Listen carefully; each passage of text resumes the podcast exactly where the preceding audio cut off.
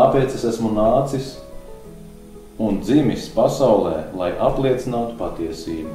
Ik viens, kas ir no patiesības, dzird manu balsi.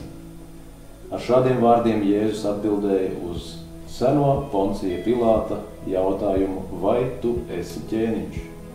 Un Jēzus sacīja, tu pareizi esi sacījis, es esmu ķēniņš.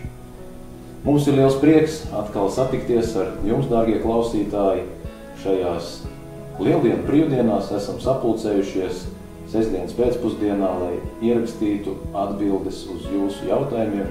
Un šoreiz tie ir jautājumi, kas saistīti bija ar šajos svētkos pieminamajiem notikumiem. Un tāpēc mēs esam priecīgi, ka varam, ka varam būt kopā jums šajā Bībeles izpētē un meklēt atbildes uz jūsu aktuālajiem jautājumiem. Un pirms mēs to darām, mēs kā parasti arī lūksim Dievu kopā ar mūsu draugu mācītāju Āvo. Mūsu godības un mīlestības pilnais kungs, mēs esam Tev pateicīgi par to žēlastību, kas ir nākusi pār visu pasauli, Jēzum Kristum nākot uz šo zemi un kalpojot visas cilvēces labā un atklājot dievišķo mīlestību pret tik vienu cilvēku. Un mēs pateicamies, ka katrs, kas pieņem Dievu vārdā, sniegtās patiesības un atziņas šodien var dzīvot ar cerību sirdī, paļaujoties uz tevi, uz taviem apsolījumiem, kas mums sola glābšanu un pestīšanu no grēka varas. Mēs pateicamies, kungs, ka mēs varam arī kalpot kā kalpi tavā labā, mācoties tavu vārdu patiesības un tās līdzdalot citiem taviem bērniem, un mēs lūdzam arī šobrīd esi līdzās ar mums un vadi mūsu raidījumu, mūsu sirdis, mūsu pārdomas ar svētā gara apstiprinājumu, vai atbildes, ko mēs sniegsim, tās būtu pareizas, bībelē nopamatotas un tās vest cilvēku domas pie tevis, kā visvarenā kunga un dieva. Mēs pateicamies, ka mūsu lūgšana ir uzklausīta, to lūdzam, mīļā pestītāja kunga Jēzus Kristus vārdā. Āmen. Amen. Amen. Esam atkal ierastajā sastāvā Avo Štopis, Rīgas 7. draudzes mācītājs. Esiet sveicināti. Un arī draudzes vecākais Raivis Kaspars. Esiet sveicināti. Jā. Šajā reizē pirmos divus jautājumus uzdod viens cilvēks. Un tā ir Regīna, kura jau ilgāku laiku ir ar mums kopā raidījumā. Un viņa raksta tā, e, lasot no rīta savā svētbrīdī ebreju vēstuli, un pārdoms par to, viņi saka, es nevaru saprast, ka bezgrēcīgais Dieva dēls nesajūta tēva klātbūtni pie krusta, sakot, tēvs, kādēļ tu mani esi atstājis. Pravieši saredz un sadzird Dieva klātbūtni un ieteikumus. Jēzus taču ir daudz vairāk kā pravietis, vai tajā brīdī viņš bija tikai cilvēks un tiešām nejuta tādēļ Dieva klātbūtni. Un viņa raksta, bezgrēcīgs, viņam nebija grēku seku, bet tomēr viss kopā tā kā nesadara un ir nesaprotams. Paldies, ka darat zināms jūsu domas, viņa raksta. Nu, un šajā, šajā rakstā es saskatu divus jautājumus, un sāksim ar pirmo, um, ar šo Mateja evaņģēlī 27. nodaļā uzrakstīto Jēzus saucienu Elī, Elī, Lamā, Zabahtānī Kam dēļ Jēzus izsauca šādu saucienu? Vai tam bija kāda pravietiska nozīme, vai tās bija viņa sāpes, garīgais pārdzīvojums tajā brīdī? Kā jūs, brāļi, atbildētu Regīnai uz viņas jautājumu? Nu, tas bija tas, ko viņš jūta tajā brīdī. Tas ir tas, ko viņš izjuta, kas piepildīja viņa sirdi un uh, tā kā viņš uzņēmās visas pasaules grēku, viņš tiešām izjūta šo nošķirtību no, no sava tēva, jo lasot rakstos, vairāk kārtīgi Jēzus piemin, ka viņš ir viens ar tēvu, viņš ir vienots ar tēvu Jā. visā. Un, un, protams, rezultāts ir redzams tam, kad, kad nostājās starp viņiem grēks, ko Kristus uzņēmās, tad arī šī vienotā saite kaut kurā brīdī pazuda. Mm -hmm. Bet tas eh, nenozīmē, ka tēvs atstāja Kristu pie krusta. Interesanti, jā. Raivi, ko tu domāji par šo rakstu vietu? Es domāju, ka šeit arī ir saprast to, ka Kristus atnāca uz šo zemi un viņš iemiesās kā cilvēks. Un šī brīdī viņš nedrīkst izmantot dievišķību. Mm -hmm. Un viņš kā cilvēks arī šo smagumu izjuta, jeb arī nu, šī, pirms tam viņš vienmēr, kad arī šī notika dziedināšana un notika to, viņš piesauc tēvu, to es daru tēvs dara caur mani. Mm. Bet šī brīdī to viņš nedrīkstēja izmantot. Viņš bija jābūt tādam. Nedrīkstēja vai nevarēja vienkārši tajā brīdī. Nebija iespēja to izdarīt. Es domāju, ne, nebija iespēja tāpēc, ka Dievs un grēks nav savienojams. Ja viņš uzņemās šo grēku nastu, viņš uzņemās šo sodu, kas būs jāiz, kas uz, kur ir pelnījuši cilvēki, kas Jā. ir kāpārkuši grēku. Un, un, un kā mēs to varam zināt, ka tas tā notika, ka viņš uzņēmās kaut kādu grēku uz viņa pleciem, tas tika uzlikts, vai tas kaut kur ir rakstīts Bībelē, vēl citur. Kā mēs to varam uz rakstiem nopamatot? Jūs atceraties, ka Jēzus eh, piedzima, ir aprakstīts nedaudz par viņa bērnību, eh, bet tad ir tā kā pārāvums, un tad viņš pēkšņi nāk jau pie Jardānas upes un parādās Jānim. Jā, jā, man arī šī rakstieta ir atzīmēta. Mm -hmm. Jāņa 1,29. Kad Jānis viņa redz, viņš saka, redz jērs, kas nes pasaules grēku. Tieši, tieši, jā. Tad būtībā Jānis, kas bija kā saucēja balss, kas gāja pa priekšu Jēzum, sagatavoja ceļu viņam, kā bija pravietis teicis, tas būs tas piedzims, un viņš sataisīs ceļu tam glābējam mesijam. Viņš pirmais, ko pateica par ieraugot Jēzu, viņš teica, jērs, kas nes pasaules grēku. Jā, vai, vai kaut kur vecā darībā vēl tas kaut kā parādās, Raivi, kā, kā tu teiktu, šī te grēka nešana, nu, jērs? Nu, tas arī nu, svētnīcā, kas simbolizē, nu, tur arī tas notika šis process, kas visam izgāja cauri. Būtībā simboliski arī parādīja, kāds ir Jēzus uzdevums. Jā. Kas bija jāuzņem. Tāpat šis nevainīgais jērs, Tāds arī šis jēzus bija. Nu, jā, jo, jo mēs lasām arī uh, Mūzes grāmatā, kad um, ir aprakstīta šī svētnīcas kalpošana, un tur teikts, ja kāds cilvēks, 4. nodaļa, 27. 31. pāns, ja kāds cilvēks no vienkāršiem ļaudīm netīšām apgrēkojas, ka tas dara, kas aizliegts kaut vai tikai pret vienu no tā kunga baušļiem, tad tas ir vainīgs. Mhm. Un, ja grēks ar kādu tas apgrēkojies kļūst zināms, tad viņš kā upura dāvana par savu grēku atved jaunu kazu, kas ir bez vainas, atkal šis bezvainīgais jērs. Un tad, lai viņš izdara īpašu lietu, liek roku uz grēku upura galvas, tas grēcinieks, un viņš pats, lai to nokauj, kur dedzināmā upura vieta. Un tālāk priesteris ņem tur visas tās asinis un izdara salīdzināšanu viņa labad, un tad ir teikts, un tad viņam taps piedots. Tātad šī grēka pārneses teorija, ja tā varētu teikt, viņa bija zināma jau no pašiem pirmsākumiem, kad šis grēks no cilvēka tiek pārnest uz dzīvnieku. To simbolizē šī roku uzlikšana tam nevainīgajam jēram, kuram pašam bija jānogalina. Un principā pie krusta tad piepildījās tas, uz ko šie eh, rituāli vecās derības norādīja.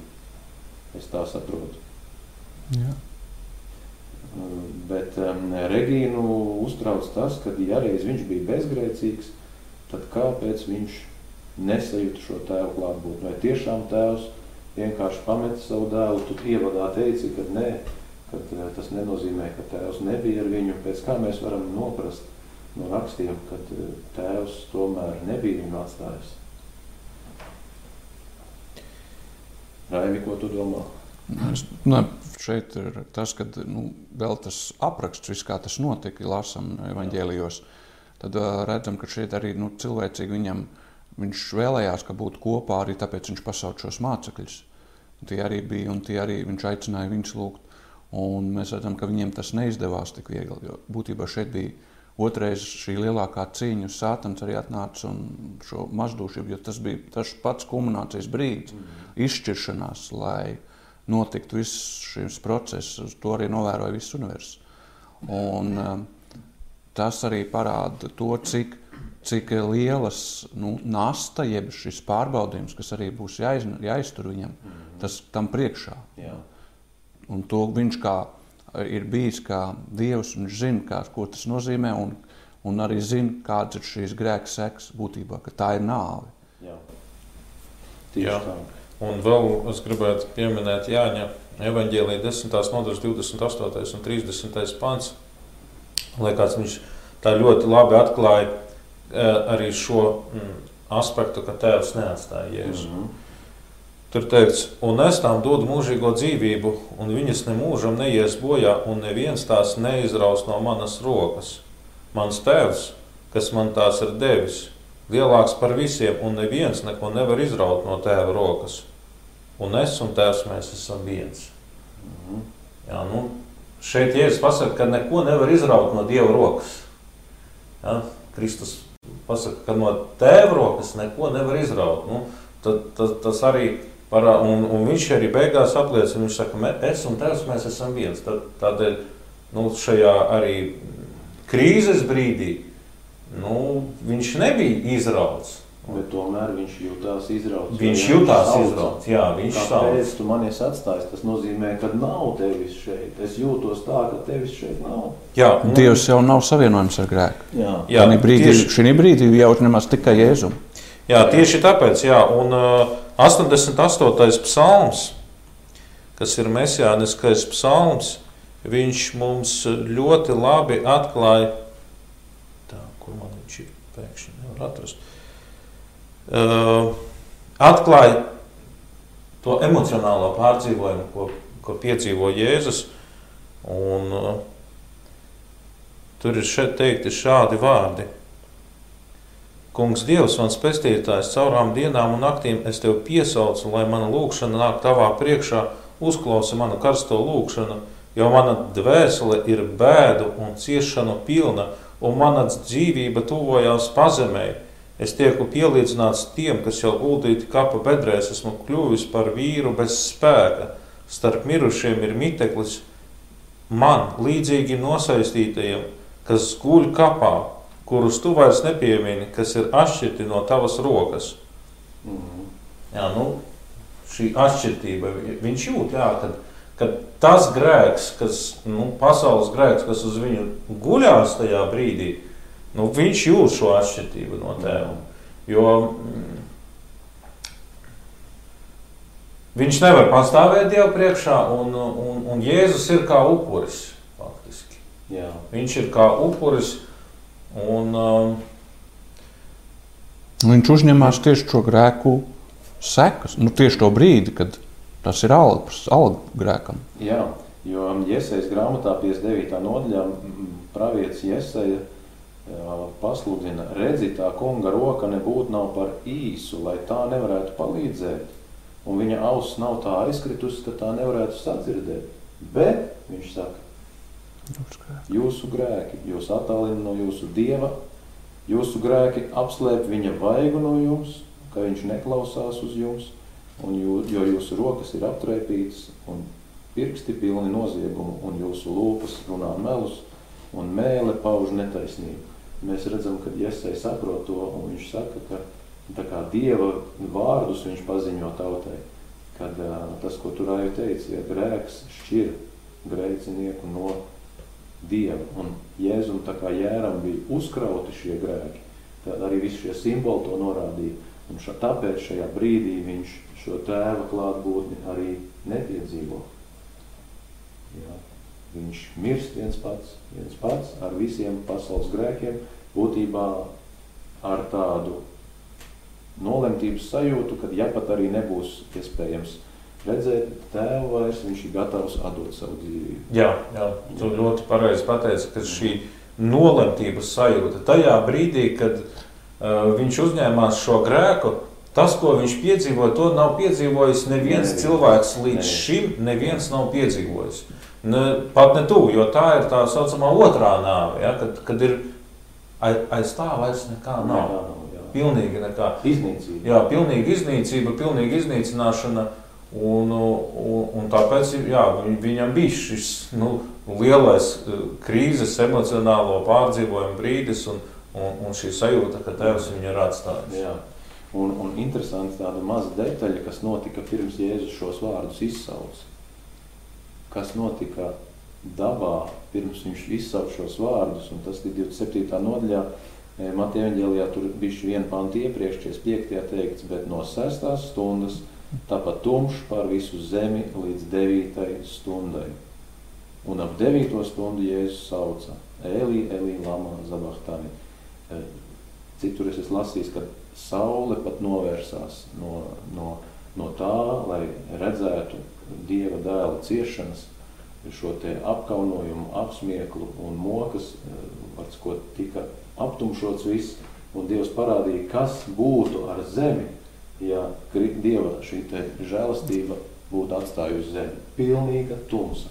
Un tumsa bija tāda, kad Bībele raksta, kad viņi taustīdamies gāja uz savām mājām. Viņi nevarēja saskatīt, tā kā naktī tagad, ja ir tumšs, mhm. vienalga kaut kāda gaismiņa kaut kur spīd, kaut kas no mēnesis, no zvaigznēm. Tā bija tāda tumsa, kad viņi pat neredzēja, tā kā mēs viens otru tagad neredzam. Tāda, tāda pilnīga tumsa. Jā, Jā un uh, vēl pie tā visa arī šī viņa nāves uzņemšanās ebreju vēstulē Pāvils 2. nodaļas 9. pantā.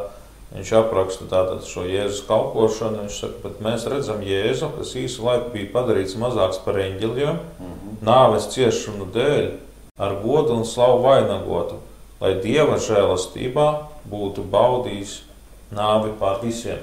Nu, šeit tāds interesants vārds tiek izmantots. Būtu baudījis nāvi pār visiem. Jā, kas tur ko baudīt? Jā, tur nav ko baudīt, bet um, savā ziņā mēs va, um, varam saprast šo izteicienu no tās puses, ka viņš uh, dodoties šajā nāvē, nu, var teikt, nu, baudīt, vai cits šī vārda tulkojums ir iemēģināt, mm izjust, ko nozīmē mm, nomirt šajā nāvē. Jā. Un, un viņš arī nu, mūsu labā to darīja. Jā. Tagad cilvēki piedzīvo nāvi un, un sastopas teikt, ikdienā ar to, bet, bet tā nav tā nāve, ar kuru sastapās Kristus. Mm -hmm. Jā, par otro nāvi runā Jānis atklāsmes grāmatā, ja, ka viņš runā par šo uguns un sēra jūru, kur eh, netaisnie tiek uzmodināti vēlreiz dzīvībai, lai redzētu Dievu godību, Jēzu Kristu un to, ko saņem tie, kas tomēr izvēlējās šo dāvanu, ko Dievs dod, un tad viņi iet bojā otrajā nāvē. Viņš saka, šī ir otrā nāve, uguns jūra. Jā. Un tādā nozīmē šī bezcerība Jēzum bija. Un uh, visa pasaules grēki viņu nospied pie zemes. Jā. Uh, otra daļa Regīnas jautājumā ir par šo uh, ka Jēzus esot bijis pravietis, un pravieši taču dzird Dievu balsi. Un viņi saka, vai tiešām viņš bija tikai cilvēks šajā brīdī, un tāpēc nesajūt Dievu klātbūtni. Nu, ko tad raksti saka mums, vai Jēzus bija vispār pravietis? Un eh, par šo Jēzus cilvēks, Jēzus Dievs norit ļoti liela polemika šobrīd arī visapkārt. Mums būtu jāpaskatās arī no šāda skata uz uh, Regīnas jautājumu. Pirmkārt, vai viņš bija pravietis, vai tas kaut kur teikts Bībelē, un otrkārt eh, cilvēka daba un dieva daba nedaudz ieskicējot. Nu, par pravietu, ko, ko, ko raksts saka. Man piesaisti uzmanību um, paša Jēzus vārdi Mateja 16. nodaļā, kur viņš runā ar mācekļiem, un viņš vaicā viņiem, ko ļaudis saka par cilvēka dēlu, kas viņš esot. Un viņi sāk viņam atbildēt viens pēc otra. Citi saka, Jānis Kristītājs, citi Elija, vēl citi Jeremija, vai arī kāds no praviešiem. Tātad, ko tā tauta domāja vispār?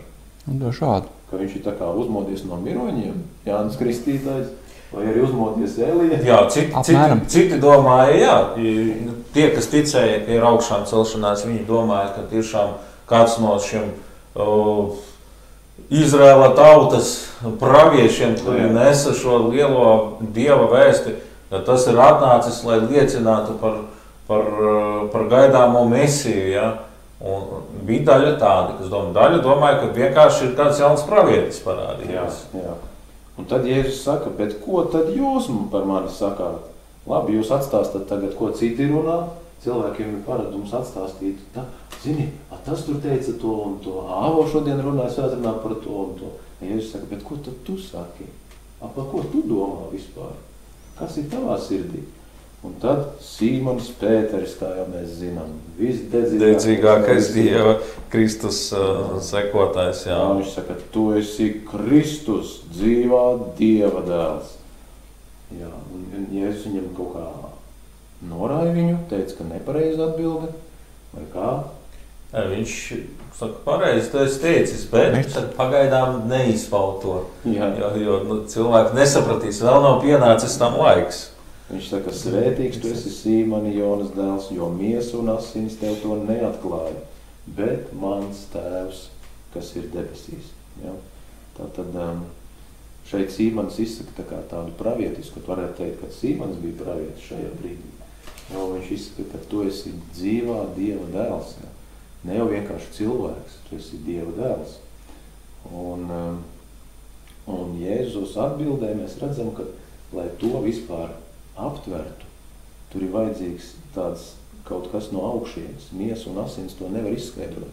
Mēs arī nevaram izskaidrot droši vien to, Jēzus bija cilvēks vai viņš bija Dievs, kas tad viņš īsti bija un, un, un, un, un tā, jo arī, arī šis Jēzus tituls, kā, kā Jēzus tiek saukts? Cilvēka dēls. Cilvēka dēls. Ar lielo burtu. Un vēl teikts Jēzus Kristus. Kāpēc arī šie divi vārdi viņam ir? Kāpēc nav viens tikai nu, Jēzus? Viņa māte taču nosauc pa Jēzu. Bet viņš visu laiku saka Jēzus Kristus. Mēs arī sakam Jēzus Kristus vārdā. Tātad, ko tas nozīmē, Raida, kā domā?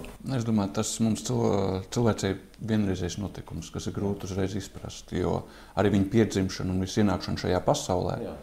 Tas ir um, nu, tāda iemiesošanās, kas mums liek uh, cilvēcīgi uzreiz nespējam izprast. Mm. Un zināmā mērā, ja mēs skatāmies šo kā pestīšanas darbu, ko viņš dara, kādēļ viņš vispār nāca. Un eh, te arī redzams, ka viņš nenāca kā ar savu šo dievišķo spēku, lai izpildītu to. Jā. Bet viņš tieši nāk arī tādi paši kā šie cilvēki. Mm. Viņš piedzimst, uzaug, viņš iz, izjū, ie, iejūtās tādā pašā, tādā pašā situācijā, kāda mēs esam. Tieši, tieši. Jā, jā nu, protams, Tas ir ļoti grūti izskaidrot, kā viņš varēja būt gan cilvēks, gan dievs. Jā. Un, uh, ir lietas, kuras mums ir vienkārši jāpieņem ticībā. Mm. Jo mēs, kā cilvēki, mēs varam spriest tikai par cilvēcīgām lietām, ar kurām mēs esam sastapušies, ko, ar ko mēs varam salīdzināt radušo situāciju.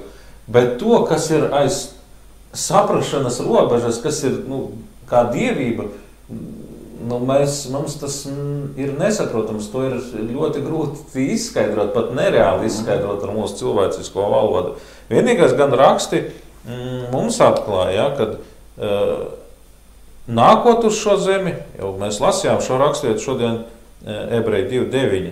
Bet mēs redzam, Jēzu, kas īsu laiku bija padarīts mazāks par eņģeļiem.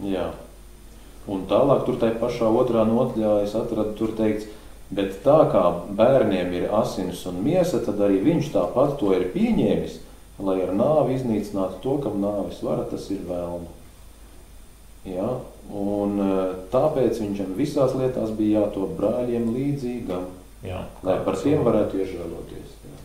Tā kā raksti mums skaidri ziņo, ka e, nu, mēs nevaram aizbildināties un teikt, ā, Jēzus tā darīja, Nu jā, viņš jau bija Dieva dēls. Es jau neesmu Dieva dēls. Es jau to nespēju. Bet eh, te teica, ka viņš uzņēmās asinis un miesu. Viņš uzņēmās un bija pakļauts tiem pašiem kārdinājumiem. Citur rakstīts, man liekas, Filipiešiem, ja, ka viņš kārdināts visās lietās tikai bez grēka. Bez grēka ja.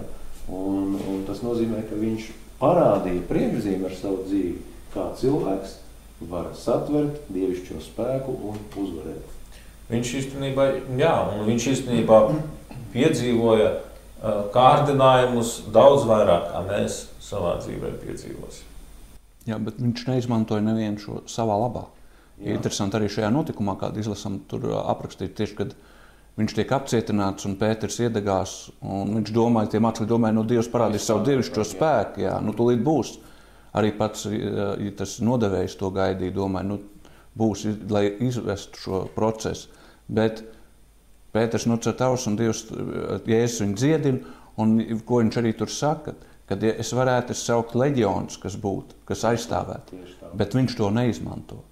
Viņš saka, jāpiepildās rakstiem, kas ir rakstīts par viņu. Un viņš pilnīgi nekādu savu divišķo spēku savā labā neizmantoja. Jā, viņa šī misija bija kā šim dieva jēram eh, uzņemties grēku un cilvēku vietā arī mirt, jā, lai Jā. cilvēks varētu dzīvot. Un tā ir tā unikalitāte. Un Dievs vairākās reizēs viņa dzīvē atklāja cilvēcei to, ka viņš ir gan Dieva dēls, gan arī šis cilvēks, ja Dieva jērs, kas nes šo grēku. Tā ir pašā notikumā, ko tu tikko teici par Pēteru ar to nāzi, ja, pirms tam, kas notika. Jau Viņi nāk un viņš prasa, ko jūs meklējat. Mm. viņi tā kā tiek atmesti atpakaļ, nokrīt pie zemes. nokrīt pie zemes, jo dievišķais spēks parādījās un atklāja.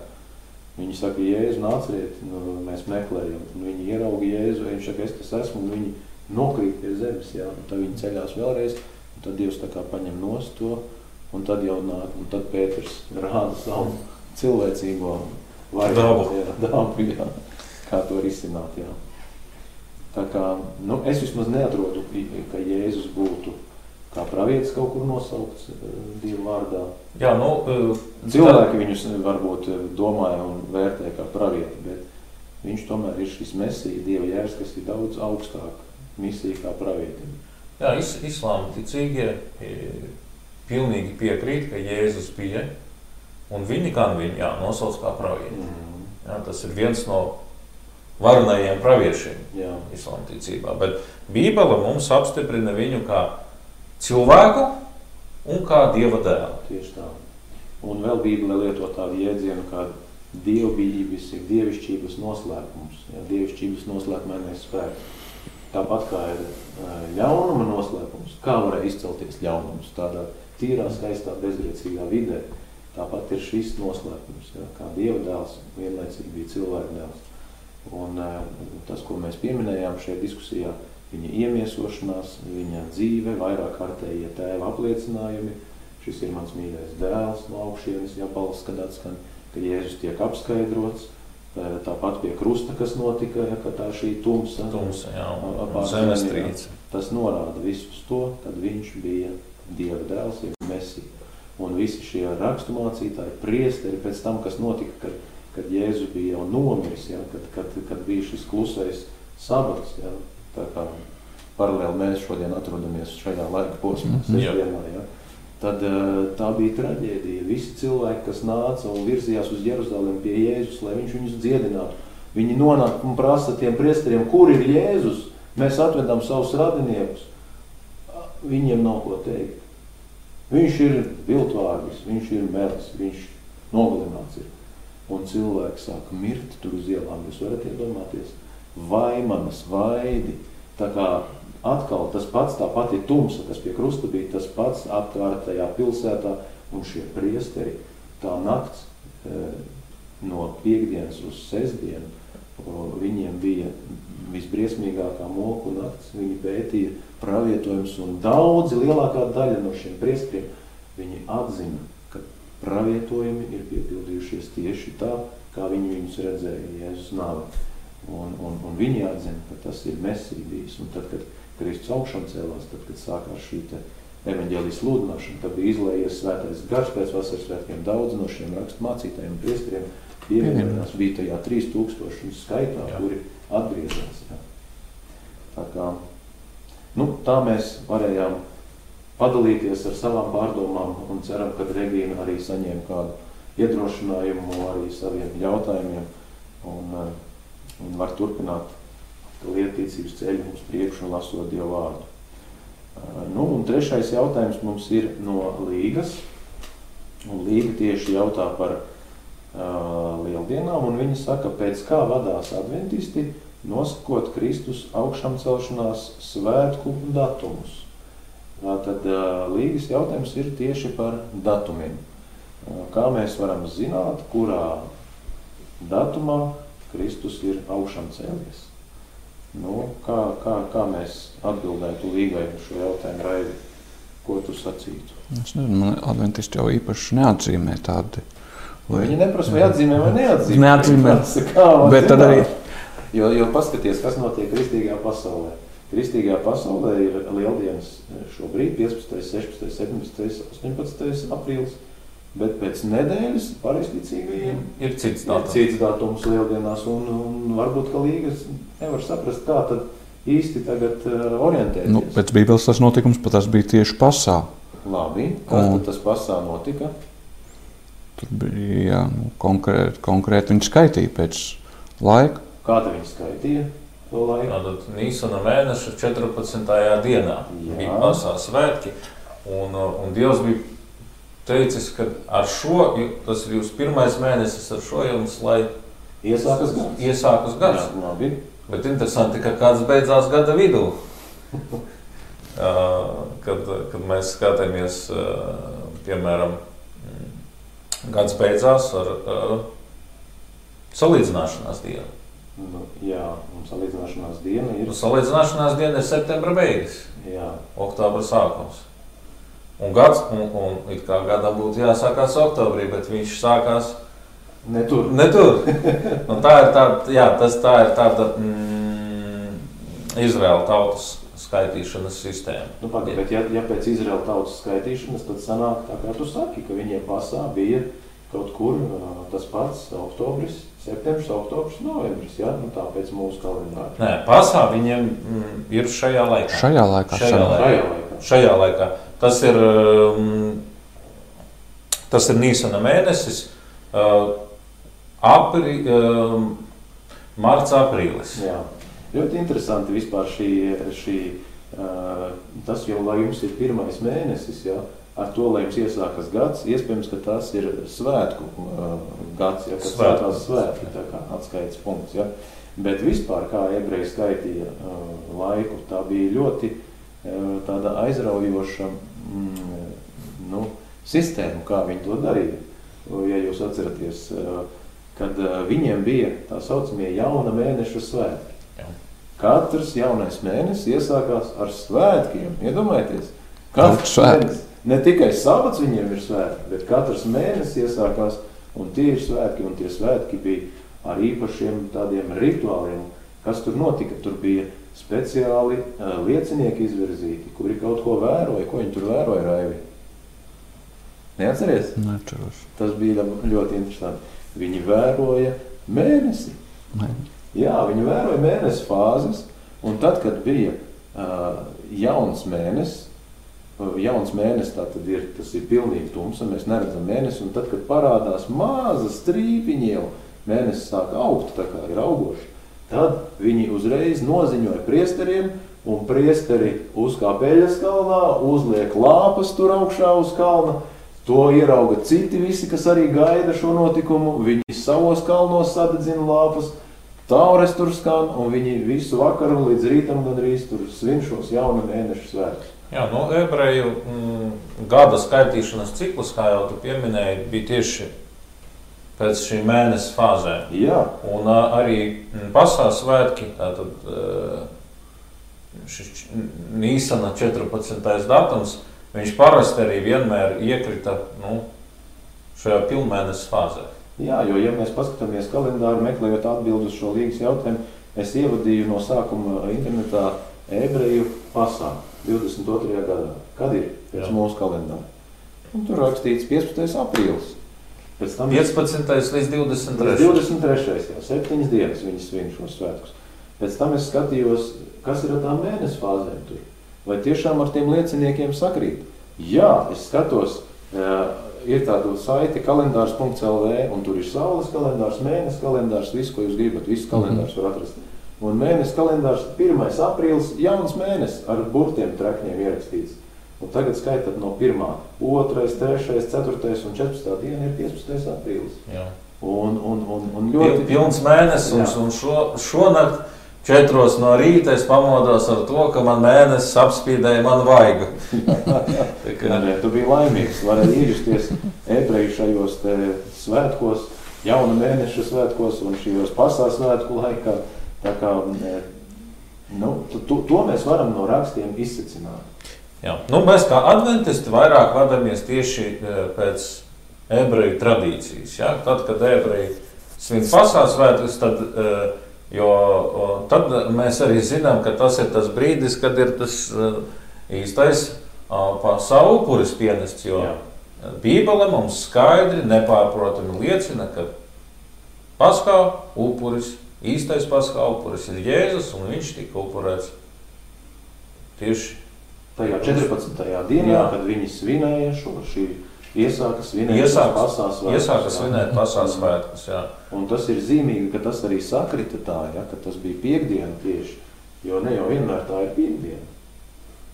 Ne jau vienmēr tā ir piekdiena, ja, nu, ja tāpēc mēnesis kalendārā viņš jau tur staigā šurp pa turpu. Jā, viņš staigā un tāpēc viņi uh, tieši mm, regulē šo, šo kalendāru un, uh, salīdzināšanās dienas laikā. Tad viņi tur pieregulē, jo pieliek klāt, kas jā, iztrūkst. Jā. Pieliek, kas iztrūkst, jo tur ir tā, ka salīdz, jā, salīdzināšanās diena tur noteiktās dienās nevar būt, jo jā. tur vajag noteikti tos rituālus piepildīt, kas pēc bauslības tos sabatā, piemēram, nevar pie, pielīdzināt, un tāpēc viņi tajā salīdzināšanas dienā pielīdzināja šos datumus, un pēc tam no tā arī viņš attiecīgi aiziet tālāk. Nu, tieši, tieši, jā. Tā kā mēs redzam, ka eh, šī pasā svētku svinēšana bija ļoti konkrētā laikā noteikta. Eh, arī bija laiks, kā to izskaidrot. Un, eh, nu, būtībā, ja runājam par kristīgo baznīcu, tad te vispār ļoti interesanti šie svētki. Viņi tur ir mainījušies un plūduši uz priekšu, uz atpakaļ. Kaut kādā otrā, trešā gadsimtā es lasīju, tur pat radās strīds par to, kad nevajag mums ar tiem ebrejiem kopā, nekas kopīgs ar viņiem. Nedēļu vēlāk mēs svinēsim Jēzus augšām celšanās dienu. Un tad tur bija strīdi un šķelšanās un dalīšanās un, un viss kaut kas tāds. Bet um, e, galvenais jau mums ir tas, kad, um, kad, kad, kad, kad piepildījās šis uh, pasā jēga, ja, bija šis Jēzus nodevis savu upuri un sabatā viņš dusēja klusu pēc bauslības, tātad parādīja to, ka šis sabats ir svēta diena, ja, ka tajā nekāda, jau varēja augšana celties arī uzreiz. Jā. Jā. Kāpēc nē, ja? Bet uh, viņš nogaidīja šo laiku, ja tā kā sabats, un tur rakstīts, sievas pavadījas sabatu klusi pēc bauslības no piekdienas vakara līdz svētdienas agram rītam, kad tik klausa gaismu skrēja uz kapu un skatās viņa tur nav. Jā, jā nu, tā kā tas ir grandios notikums un, un, un skaists notikums.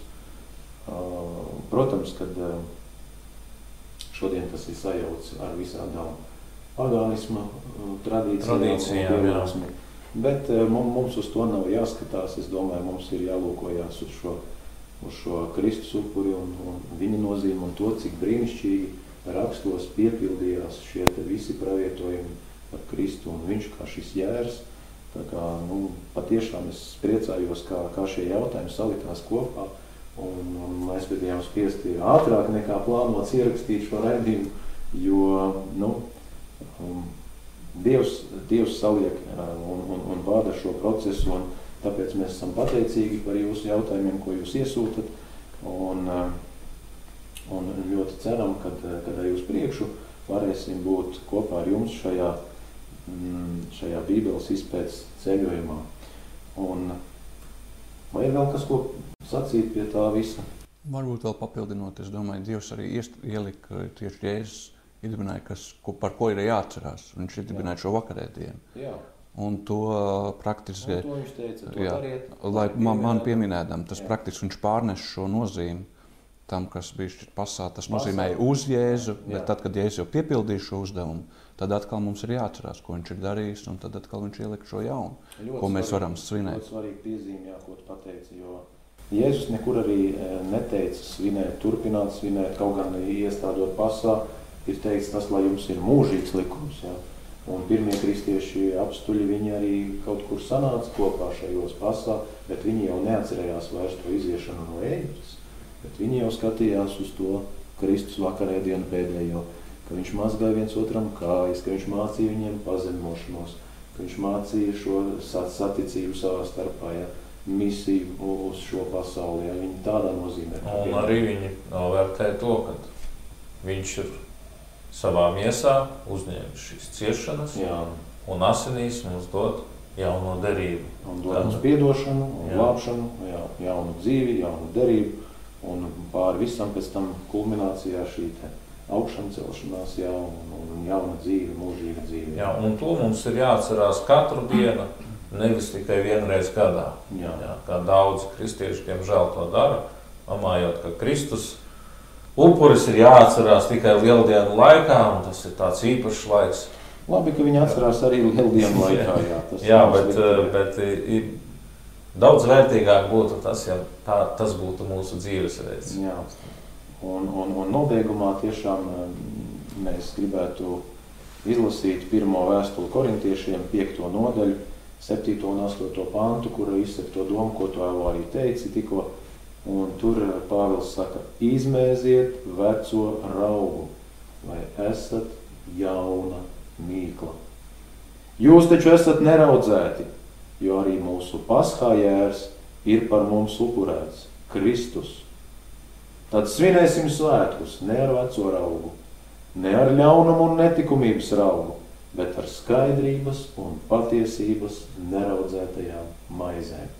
Pāvils šeit norāda, atsakamies no vecā, svinam jauno, ar skaidrības un patiesības neraudzētajām maizēm, ar šo Kristus miesas un Kristus asins uh, simbolu, jā, ko mēs varam darīt un pieminēt un dzīvot uh, kā, kā, kā jauna mīkla, interesants salīdzinājums, jā, kā, kā jauns radījums. Jā, un tas ir brīnišķīgi, un to mēs arī novēlam visiem skatītājiem un arī, protams, mums pašiem.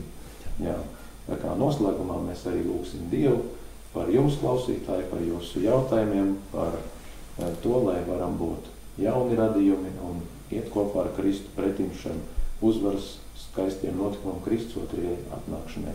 Raivi, es tik labs, pielūdzu ar mums. Mīļais debesu Tēvs, pateicība Tev par šo iespēju, kad mums vēl ir laiks, kad mēs varam pētīt Tavu vārdu. Un Svētais gars uzrunā un arī, kad mēs redzam, ka cilvēkiem ir interesi un arī viņi uzdod šos jautājumus. Vēlamies pateikties Tev par to, ka Tu atklājies savā vārdā un kad mēs varam piedzīvot to, ka Tu esi mainījis cilvēku sirdis un arī, kad mēs varam iepazīt Tev un arī pāri visam šim lielajam notikumam, ka Tu esi nācis uz šo pasauli, atdodams savu dzīvību par mūsu grēkiem. Un kaut mēs vairāk to novērtētu un arī katru dienu atcerētos un vēlētos saplūst kopā ar Tevi, tāpat kā Jēzus ar Tēvu, kā viņš teica, ka viņi ir viens. Un viņš ir kā vienkoks, pie kā mums ir jāatverās, lai mēs satvertu šo dzīvību, šo cerību, ko viņš ir atstājis, un arī apsolījumus, kāds viņš ir atstājis savā vārdā, kad um, visa spēja tā spēkā, kas dara mūs stiprus, un arī pateicība Tev par to, un arī svētīgi katru klausītāju, kas klausīsies un arī dzirdēs, lai katram rodās interesi pētīt Tavu vārdu un iedziļināties tajā un arī dzīvot pēc tā, lai Tavu žēlastību mūs pavada turpmāk. Jēzus vārdā. Āmen! Amen!